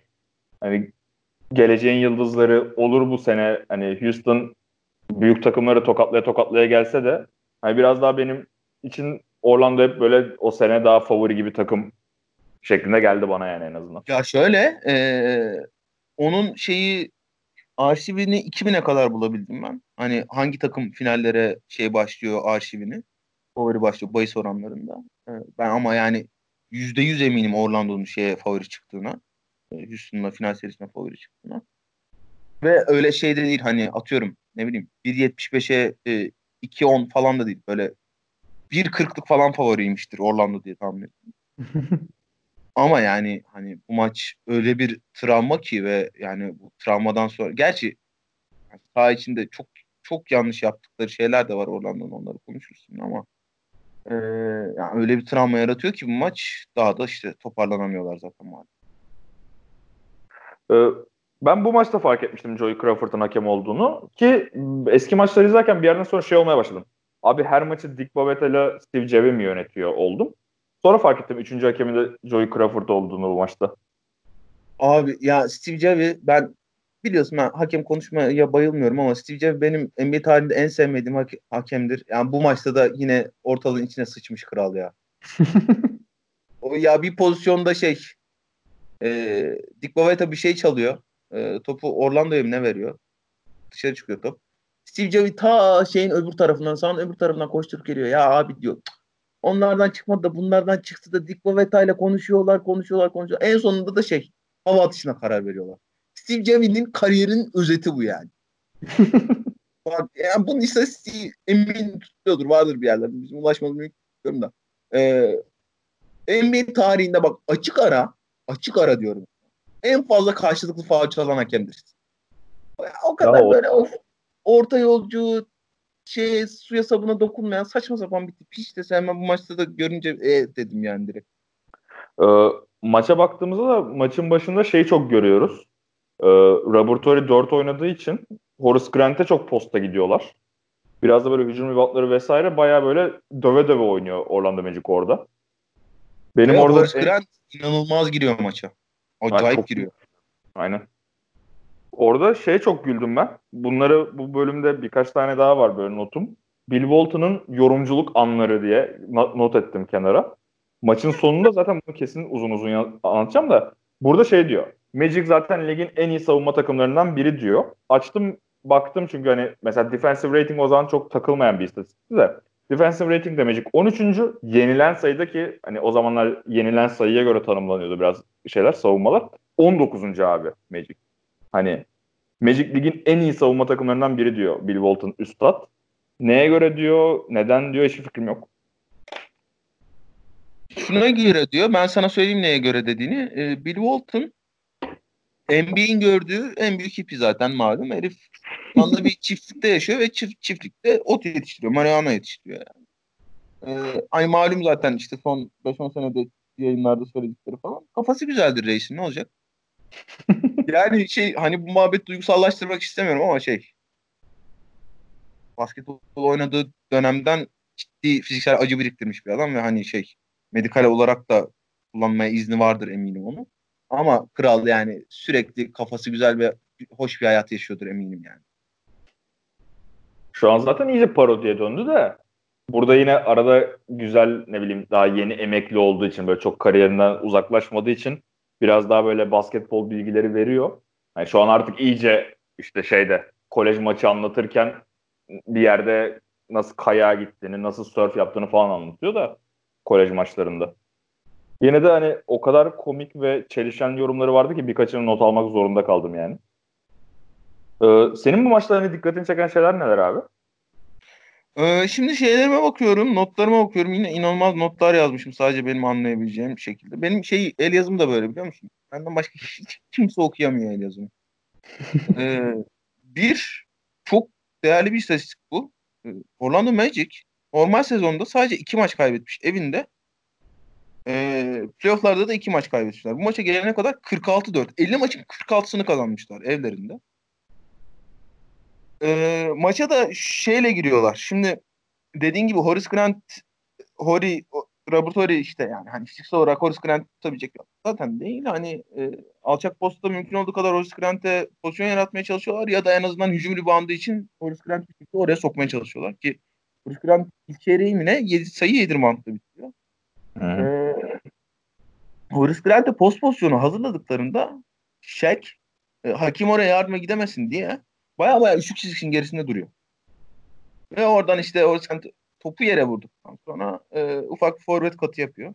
İşte hücum ribandı için kendini hazırlamak adına ya da işte e, ufak bir pas belki olursa diye.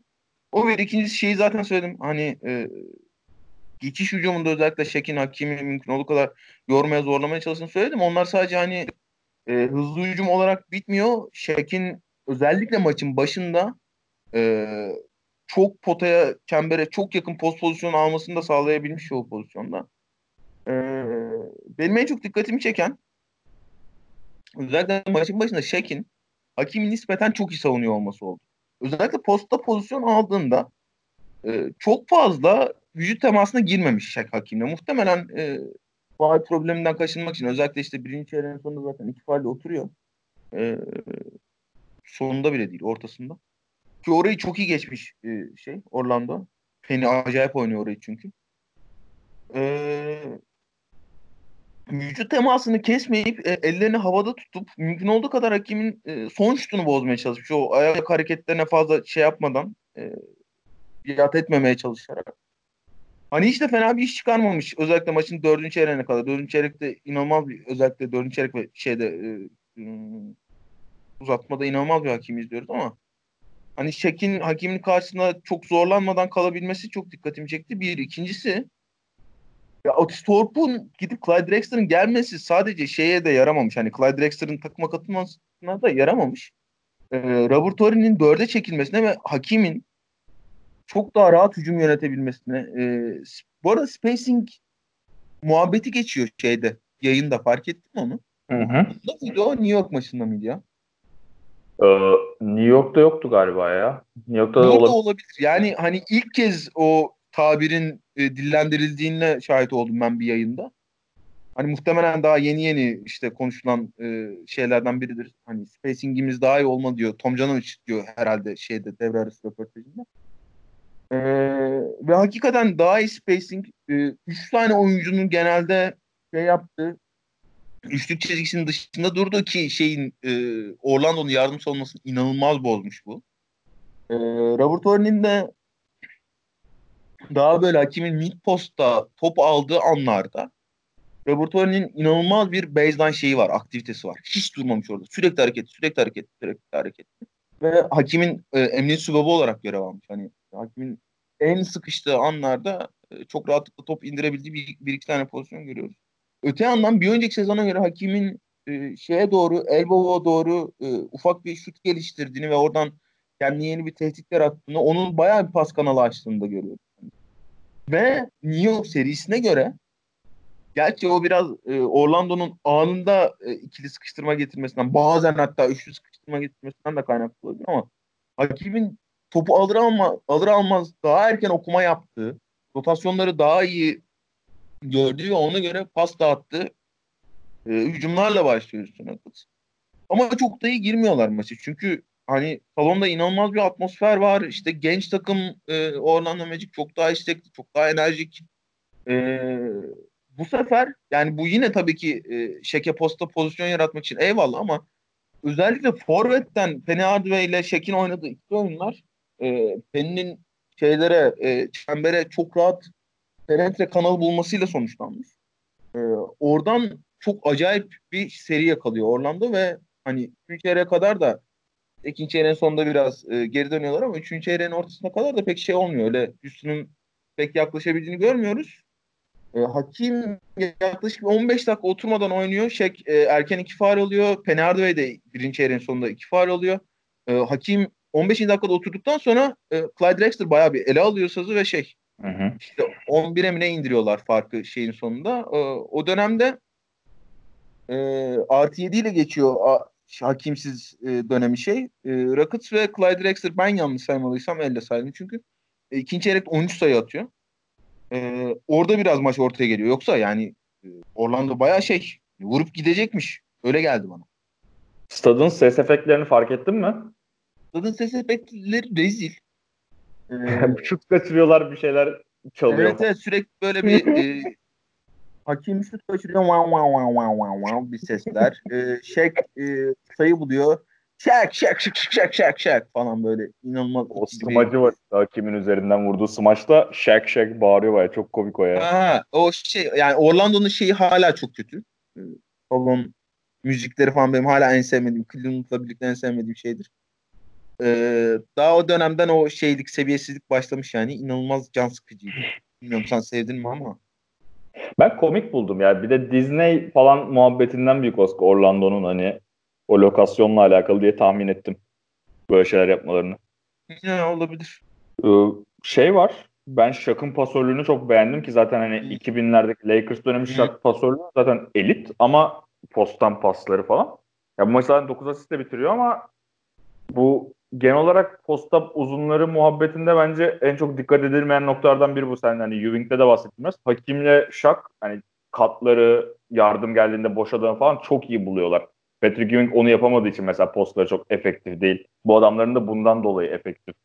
Özellikle ikinci çeyrek demine ee, sağ dipte pozisyon oluyor. Ortaya e, ufak bir topu yere vuruyor. Sağ forvetten kat yapan adamı görüyor üç kişinin arasında. Hı hı. O pas falan çok acayipti mesela. Hani şey hakim falan atıyor işte o pas yani. Patrick Ewing'in asla yapabileceği işler değil onlar. Ki Magic bir ara 20'ye çıkarıyor farkı. Sonra dediğin gibi Clyde Drexler devreye girip 11'e indiriyor e, devrede. O şey çok komik bir sekanstı. Galiba ikinci çeyreğin sonunda oluyordu o da. Horry arka arkaya Penny'i blokluyor falan böyle. Hmm. Ee, ilk yarı 61-50 bitiyor. Buradan sonra o saçma sapan sekans ortaya çıkıyor. Üçüncü çeyrekte. Yani şöyle diyeyim Kenny çeyrekte 5 üçlük sokuyor galiba Kenny Smith. 5 mi 6 mı? O anda yani o çeyrekte 5 maçta 6. üçlüydü diye hatırlıyorum ben. Belki 6 atmıştır. Hep. Doğrudur. Oğlum orası ya inan ya bir de sadece Kenny Smith de değil. Robert de sürekli üçlük sokuyor. Öbür ha? tarafta Nick Anderson üçlük sokuyor. Bayağı şey 2019'da maç izler gibiydi mi? Yani Öyle değil. İşte Robert Horry'nin 4 numaraya çekilmiş olması hani daha böyle spacing'in e, sağlam olması üstüne kısa falan. Ben şey diye düşündüm lan. Hani bize işte ne bileyim Mike D'Antoni'nin Phoenix'ine yoruyoruz bilmem ne yoruyoruz ama bayağı geleceğin basketbolu oynanıyor falan gibi geldi bana orayı izlerken yani. Hani dribbling üçlü üçlük bak işte kaç tane maç izledik? 3 e, iki tane oradan 5 işte ne, ikimiz de 7-8 tane maç izledik şu iki podcast'ta toplam. Hani toplam dribbling üçlü üçlük şu maça kadar benim gördüğüm 3'tür 5'tir maksimum. Kenny Smith bayağı şey hani ha ne olacak atayım ben bunu falan diye atıyor. Robert Horry bir noktada topu kaçırıyor elinden. Üçlük çizgisinin gerisinde.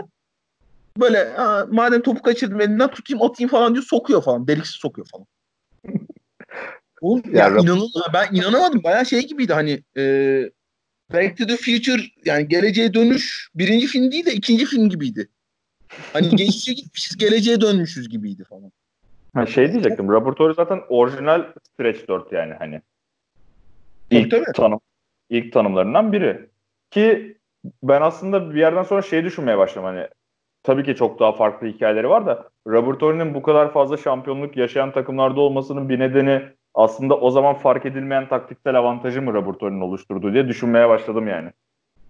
Çünkü ya, yani muhakkak onun payı da vardır ama e, hani Robert Horry'nin balının daha çok payı vardır.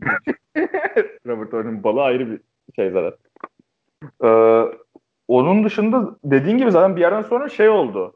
Hani böyle abi 90'ların basketbolu nerede diyenlere buyur abi 90'ların basketbolu deyip böyle göstermelik bir maç gibiydi bu. Hani gelip dediğin gibi gelip gelip kaldırıp üçlük atıyordu herkes. Ki bu maçta dönemin üçlük rekorları kırılıyor. İşte en üçüncü çeyrek bittiğinde dördüncü çeyrek başında falan şeydi. Bir maçta iki takımın toplam attığı en fazla üçlük rekorunu falan kırmışlar daha çeyrek başında. Tabii tabii ya şey hani e, ve yani ben eminim uzun sürede kırılamamıştır bir daha rekor. Baya şey gibiydi ya.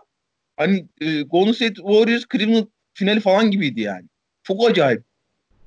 E, ve şey hani Penny Hardaway hayatının hiçbir noktasında iyi bir üçlükçü olmayan Penny Hardaway şey falan demiş. Ulan herkes atıyor bu boku. Ben de bir deneyeyim bakayım. Atabiliyor muyum falan diye. Kral dört tane falan kaldırıp atmış. Hiçbiri girmiyor gerçi ama. Atmış Aynen. o da atmış yani. Haklıdır abi. O da atsın. O da denesin. Ne olacak? Nick Anderson'a söylemeden önce biraz övelim bence. Çünkü Orlando'yu özellikle geriye düştükten sonra maçı tekrar ortak eden adam. Hani Shaq'la birlikte. Maçı da zaten 22 sayı 11 rebound 5 asistle bitiriyor. Yani bayağı etkileyiciydi. Hani başında biraz bahsetmiştik. Ya olağanüstü bir performansı. Ee, ve şey hani sadece şey de değil. Skorer olarak da değil. Çok acayip kalıplı ve işte çok rebound isteği çok yüksek olan bir adammış. Aynısını bu arada şey için de söyleyelim. Hani Clyde Drexler için de söyleyelim. Ee, Clyde Drexler'ı övmemiz gereken nokta tam olarak burası. Hani ee, dünyanın en efektif maçını oynamamış. Orası kesin ama nerede bir e, böyle ortada kalan top var, nerede bir ortada kalan rebound var hepsini almış. Hepsini almış ve özellikle o ikinci çeyrekteki geri dönüşte ikinci çeyreği zaten konuştuk. İkinci çeyrekteki geri dönüşte şeyde yaptıkları, geçiş hücumunda yaptıkları o isteği, o arzusu bütün hani kendisinden daha genç, daha atlet bütün Orlando takımını geçerek geç hücumunun her zaman en önünde olması. Çok iyi kulvar koşması falan. Zaten hani kariyeri boyunca en iyi yaptı. Ee, Houston'un maçta kalmasını sağlamış. Maçı bitirmesini sağlayan etkenler çok farklı ama maçta kalmasını sağlamış. Sonra da işte o acayip hani hiç nereden çıktı belli olmayan üçlük bombardımanı başlıyor. ee, istersen artık bu maçın en özel anlarına gelelim. Bunu uzun uzun not aldım çünkü. ee, ha bir dakika şu önce bir şu konuyu konuşabilir miyiz? Ben hiçbir şey anlamadım çünkü. Şimdi posta top indiriyor üstüme hakime top indiriyor ve şey yine hücum oradan başlıyor. Tamam. Tamam. Abi e, bu arada Horace Grant'e karşı Şek oturduğunda Horace Grant'e karşı inanılmaz bir üstünlük de kurmuş hakim. Ona da eyvallah. Hı hı. Ama Şek'e karşı baya baya zorlanıyor. Bu yaldır yaldır, üstüne üstlük, plansız programsız, en yakın forvetten. Bak en yakın forvet. Tersten değil. Artık yani normalde oraya tersten yardım geliyor. Diyor. Zayıf taraftan yardım geliyor. E, pas atması en uzak mesafe orası olduğu için ve dönmesi en uzak mesafe orası olduğu için. Oradan yardım geliyor. Normal gelmesi lazım zaten çok kötü açılarla haldır huldur zaman zaman üçlü sıkıştırmaya varacak yardımlara gerek var mıymış? o zamanlar aşırı reaksiyon veriyorlar ya. Şey falan da öyle mesela 93 Suns maçında da o deneyicin geldi getirdiği yardımlar vesaire. Hani gerçekten ikili sıkıştırmalar abi iki şey böyle mesela bilgisayar önünde ikili sıkıştırmaya basarsın ve en yakındaki oyuncu böyle alakasız açıyla gelir. Tam öyle geliyorlar yani. O garip biraz. Ya, Mesela şu an tamam yani şeyi anlıyorum hani hakim tabii ki ya, çok acayip bir tehdit orada. Eyvallah. Ee, yani bir şekilde hani oraya bir yardım gitsin ona da eyvallah. Ama yani daha planlı program ne bileyim yakından getireceksen bu yardımı. Hani dünyanın en basit ikili sıkıştırma şeylerinden biridir bu. Yakından gelecekse o yardım. Herifin direkt pas açısından gelecekse topu yere vurduğunda getirirsin değil mi?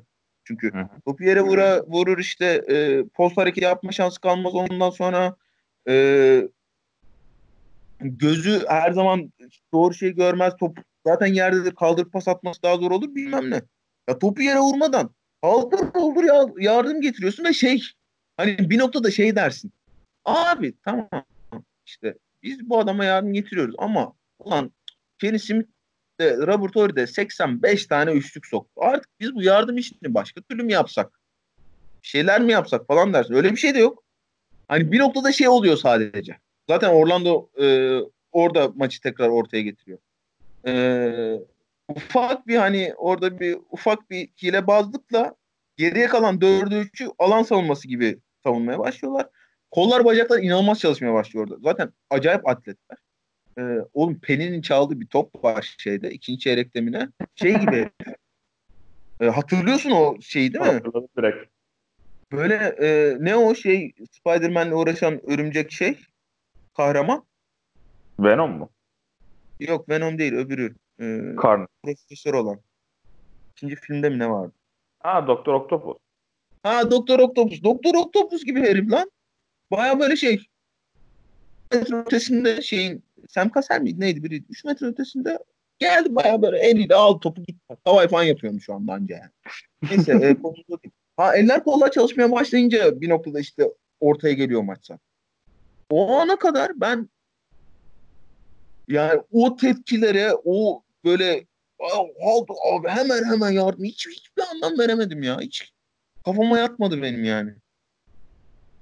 Ama yani mesela şey düşünürsen bir önceki seride de biraz bahsettik. Yani Patrick Ewing post-up yapıyor. Kötü şut tercih yapacağını neredeyse kesin biliyorsun. Ama yine ikili sıkıştırma getiriyordu Patrick Ewing yani. Tam o pası çıkaramıyor belki ama oynasın abi fade ve atacak. Geri çekerek çok kötü şut deneyecek demiyor takımlar orada. Post-up'a geldi. Biz pivotumuzu yormayalım fiziksel olarak diyorlar herhalde. Bilmiyorum artık onun mantığını. Ama hemen ikili sıkıştırma getiriyorlar. Top çevrilsin, başka yere gitsin, sağ atak açısını değiştirelim diyorlar. Ama dediğin gibi yani bu kadar şut soktuktan sonra belki biraz adapte olmak gerekir mi? De gerekirdi herhalde. Ya evet gerekse iyi olurmuş gibi sanki ya. Yine de ama bu maçı buna rağmen kazanacaktı aslında Orlando Magic. evet benim e, çok enteresan bir şeyim var. E, gözlemim var konuyla ilgili. Bilmiyorum katılacak mısın? Acayip heyecanlıyım bu konu ama sen başla hadi. Ee, önce biraz olayı anlatmak gerekirse 37 saniye kala Orlando hücum reboundu alıyor. Bir kere bu hücum reboundunda Horace Grant'ın verdiği kararı hiçbir Heh. şekilde anlamadım. Heh. Yani ee, bu bu boku başlatan Horace Grant ben inanamadım oğlum. Ya şey falan olsa bir sayı önde olsan dersin ki ya şimdi atsam ben bunu 3 olacak. İşte yine bir basket fark. Ee, hı hı. Hani ulan döndürsek en azından süreyi eritelim falan. O, belki. Belki ona da yokum ama şimdi 3 saniye var.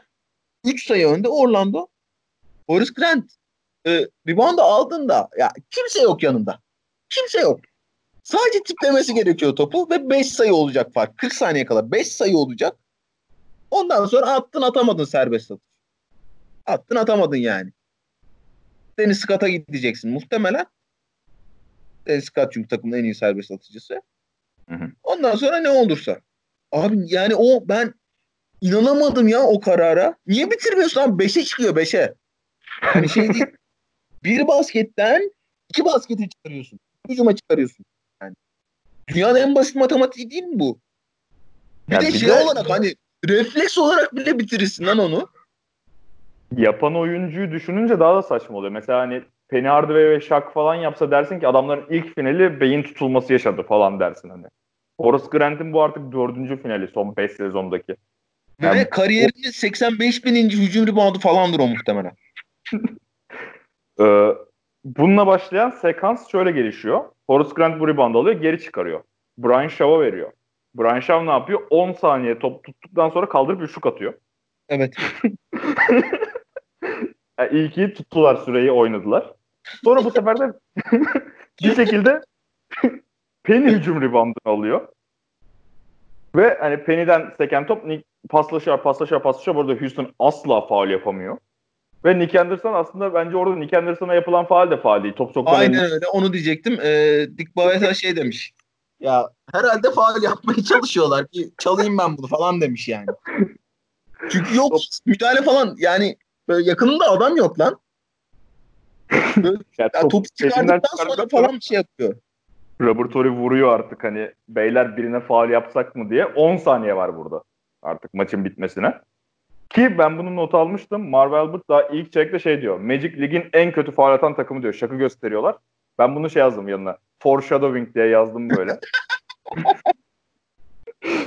ee, sonra Nick Anderson. Tarihin artık en bilinen sekanslarından biri. Nick Anderson ilk atışını kaçırıyor. Deliriyor. Kendi göğsüne vuruyor. Bir şeyler yapıyor. Ee, ikinci atışı kaçırıyor. Top sekiyor ve kucağına geliyor. Kucağına geldiğinde Nick Anderson'a yine faal yapmıyorlar aslında. Topu çıkarıyor elinden. Ama faal çalıyor hakemler. Bence orada çünkü topu elinden çıkarıyor. Köşeye Deniz Scott'a veriyordu galiba. O anda sadece birisi topa vuruyor. Çok bir temas yok gibi geldi bana. Sana öyle geldiğini bilmiyorum abi. Ve Nick Anderson bir daha. %100 katılıyorum. Ben iki pozisyonda da faal falan yok. Ayıp olmasın diye çalmışlar. şey ve Nick Anderson tekrar çizgiye gidiyor. Ve üçüncüyü de kaçırıyor. Artık bundan sonra sırıtmaya başlıyor. Penny Hardaway sakinleştiriyor, bir şeyler diyor vesaire. Ve Nick Anderson gelip dördüncüyü de kaçırıyor. Abi, Ve bir sekans ya. Artık dördüncü de şey hani yani o kadar dağınık ki böyle ya follow through'su yok. Dizlerini bükmüyor falan böyle yani şey gözü kapalı sallamış böyle şey. Michael Jordan'ın gözü kapalı attığı şey var ya servis atışı var ya onun gibi Aynen. falan sallamış. Ve ve burada bitmiyor işin kötüsü. Houston e, 7 saniye kala 7 saniye falan kalıyor sanırım. Şey yapıyor. E, mola alıyor ve Kenny Smith e, fake atıp zor bir üçlük sokuyor. Sonucu Oğlum an... o şey Penny'nin o yediği fake ne? Yani Penny nereye zıplıyor orada?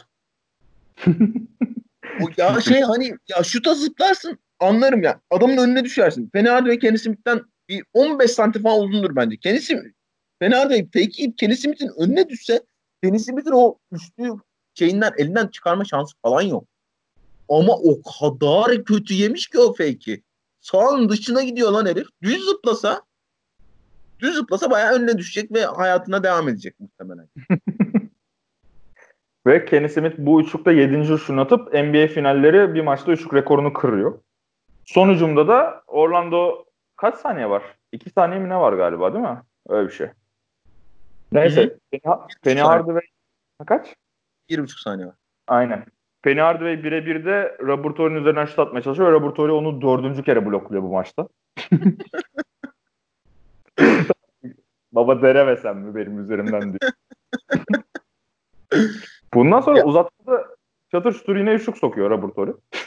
Blok söyleyecektin sen buyur. Ha yok şey e, yani e, Magic'in yaptığı saçmalıklar şeyde de bitmiyor. Normal sürede de bitmiyor. Uzatmada da inanılmaz şeyler oluyor.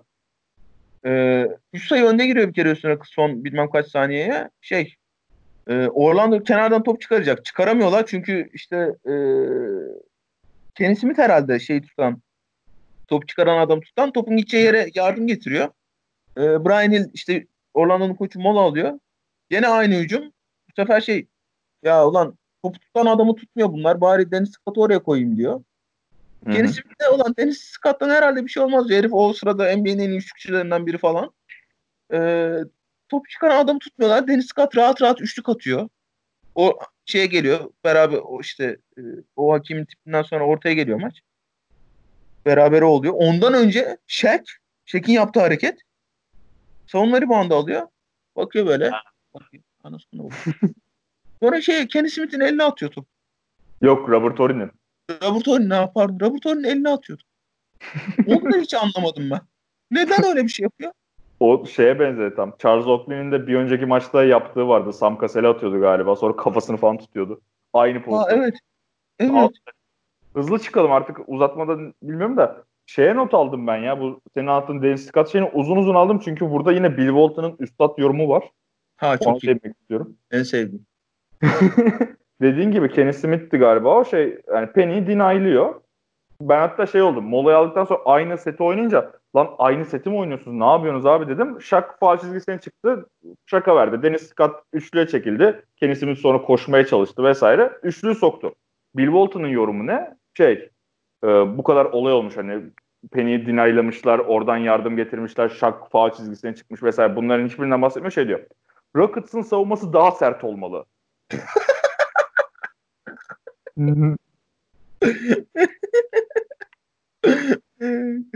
Bir önceki Bu... pozisyonda kalmış ya. Onu düşünüyordur hala. Sonucumu da sen anlat abi istersen. Ee, son hücumda ne oldu ya? Ha- hakimin tipini hatırlıyorum da. Ha, Clyde Drexler potaya gidiyor üstüne. Hiç fena penetre değil o. Ee, güzel de bir oyun çizilmiş. İyi de açı buluyor. İyi açıyla da penetre ediyor. Tam da e, bitirici noktada kalkıyor aslında şey. E, turnike ama hani ya zaten dünyanın en iyi bitiricisi olmadı belli Clyde Drexler'ın şu izlediğimiz maçtan. Maç vurmadığı pozisyonlar hariç. Orada yalnız hani bilmiyorum katılır mısın ama sanki Horace Grant'in bir bok yemesi var gibi geldi. Çünkü tek Aynen. yardıma gidiyor Clyde Drexler'a. Çünkü Clyde Drexler penetre'de geçiyor savunmacısı. Tek çok normal olarak yardıma gidiyor. Tek oraya bir adım attığında Horace Grant'in yaldır yaldır şeye gitmesi lazım. Alçak posta gidip e, hakimi önüne geçmesi lazım.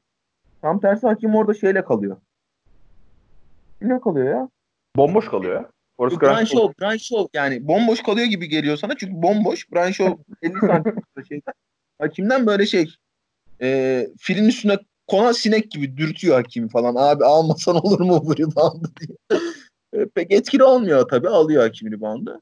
Ve şey e, gayet cool bir şekilde deyip gayet cool bir şekilde seviniyor yani. Burada bir de benim yine bu Magic'in stat şeyine takıldım. Magic 2 sayı geriye düştükten sonra 0.4 saniye falan kalıyor. Mola alıyor Magic. Stadda I Need a Hero çalıyor. Doğru. Çok mantıklı. Muhteşemdi ya. Ben, bayı, ben böyle yere yattım onu duyunca. I Need a Hero. Bir girdi. Sonra yani daha, daha olamazdı bence. Sonunda da işte Branshaw Panya'ya fırlatıyor topu. Sekiyor mekiyor bir şey oluyor. Hiçbir şey olmuyor ve Houston koşa koşa şey soyunma odasına gidiyor. Şampiyon olmuş gibi seviniyorlar bu arada. Bayağı iyi seviniyorlar. Ki yani biraz da öyle olmuş hakikaten. Bilmiyorum izlemedim diğer maçları. Bayağı da merak ettim çünkü hani kalite olarak Orlando çok çok önde görünüyor. Gerçi Hakim sonraki maçta acayip oynamış da. Ee, Şek'i ben çok beğendim. Çok beğendim. Ee, yine zaman zaman kaybolduğu anlar oluyor. İşte yine çok serbest atış kaçırıyor ama dediğim gibi hani e, özellikle pasörlüğü, şeydeki geç hücumundaki iştahı, erken pozisyon alma iştahı o şeyleri daha şimdiden atmaya başlamış. Özellikle iki omzunun üstünden de dönerek attı. E, o post hareketlerini yaparak attığı şutları atmaya başlamış. Hı hı. Bir maç oynamış bence.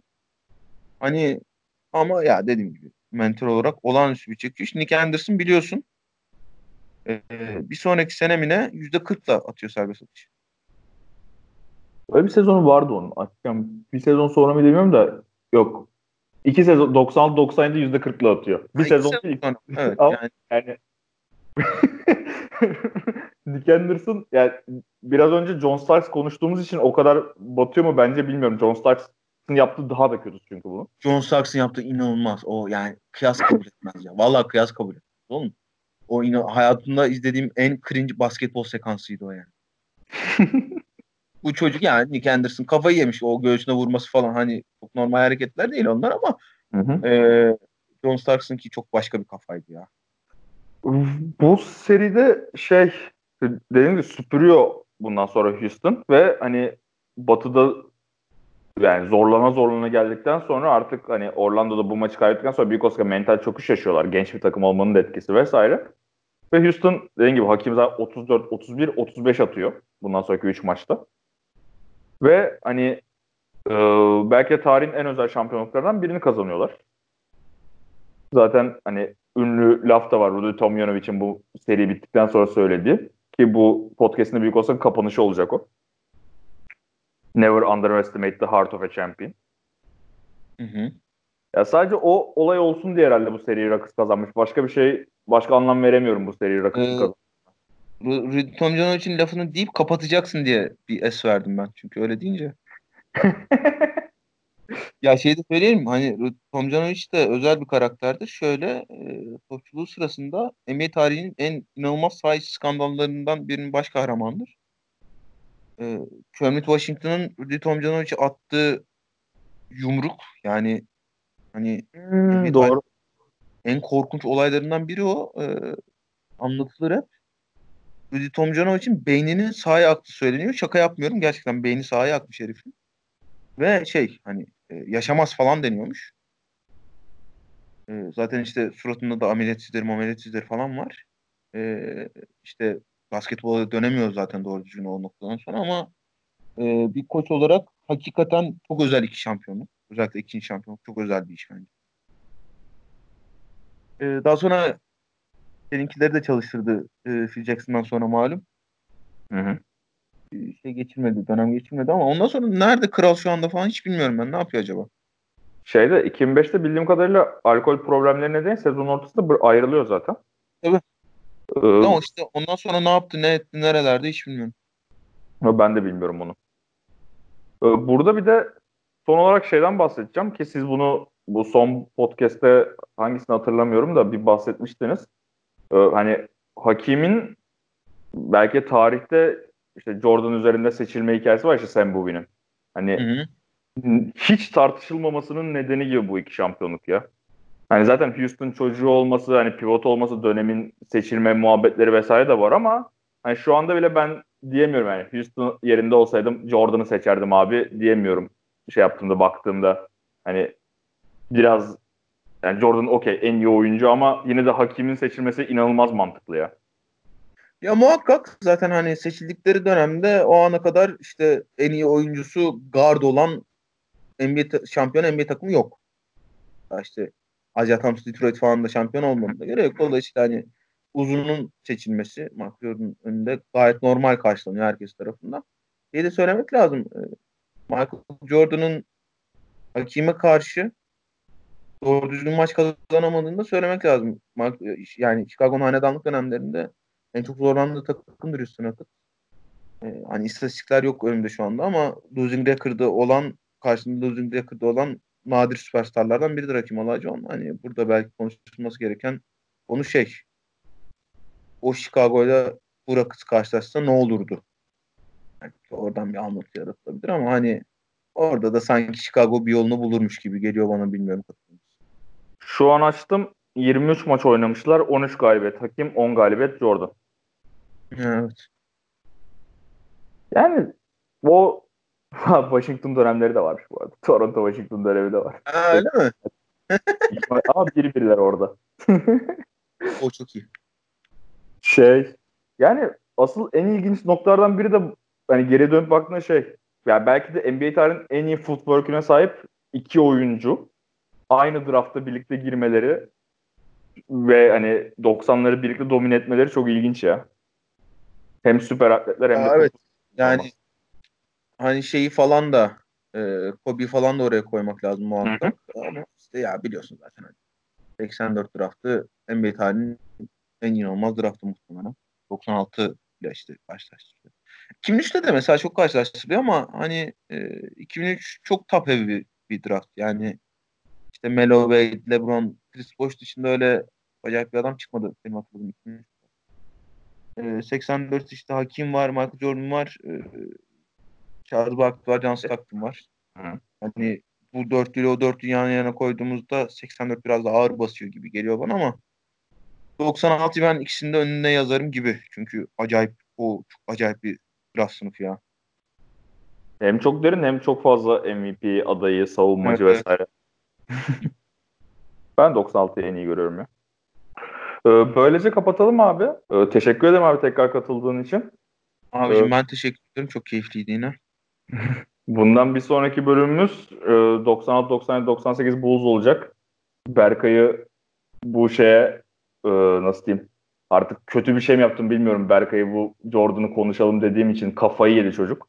Abi biz onu süpürdük bunu süpürdük diye dolaşıyor şu an.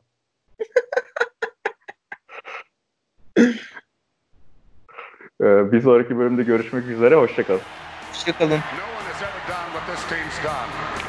six seed, uh, down in series, uh, and we had non-believers all along the way. I have one thing to say to those non-believers. Don't ever underestimate the heart of a champion.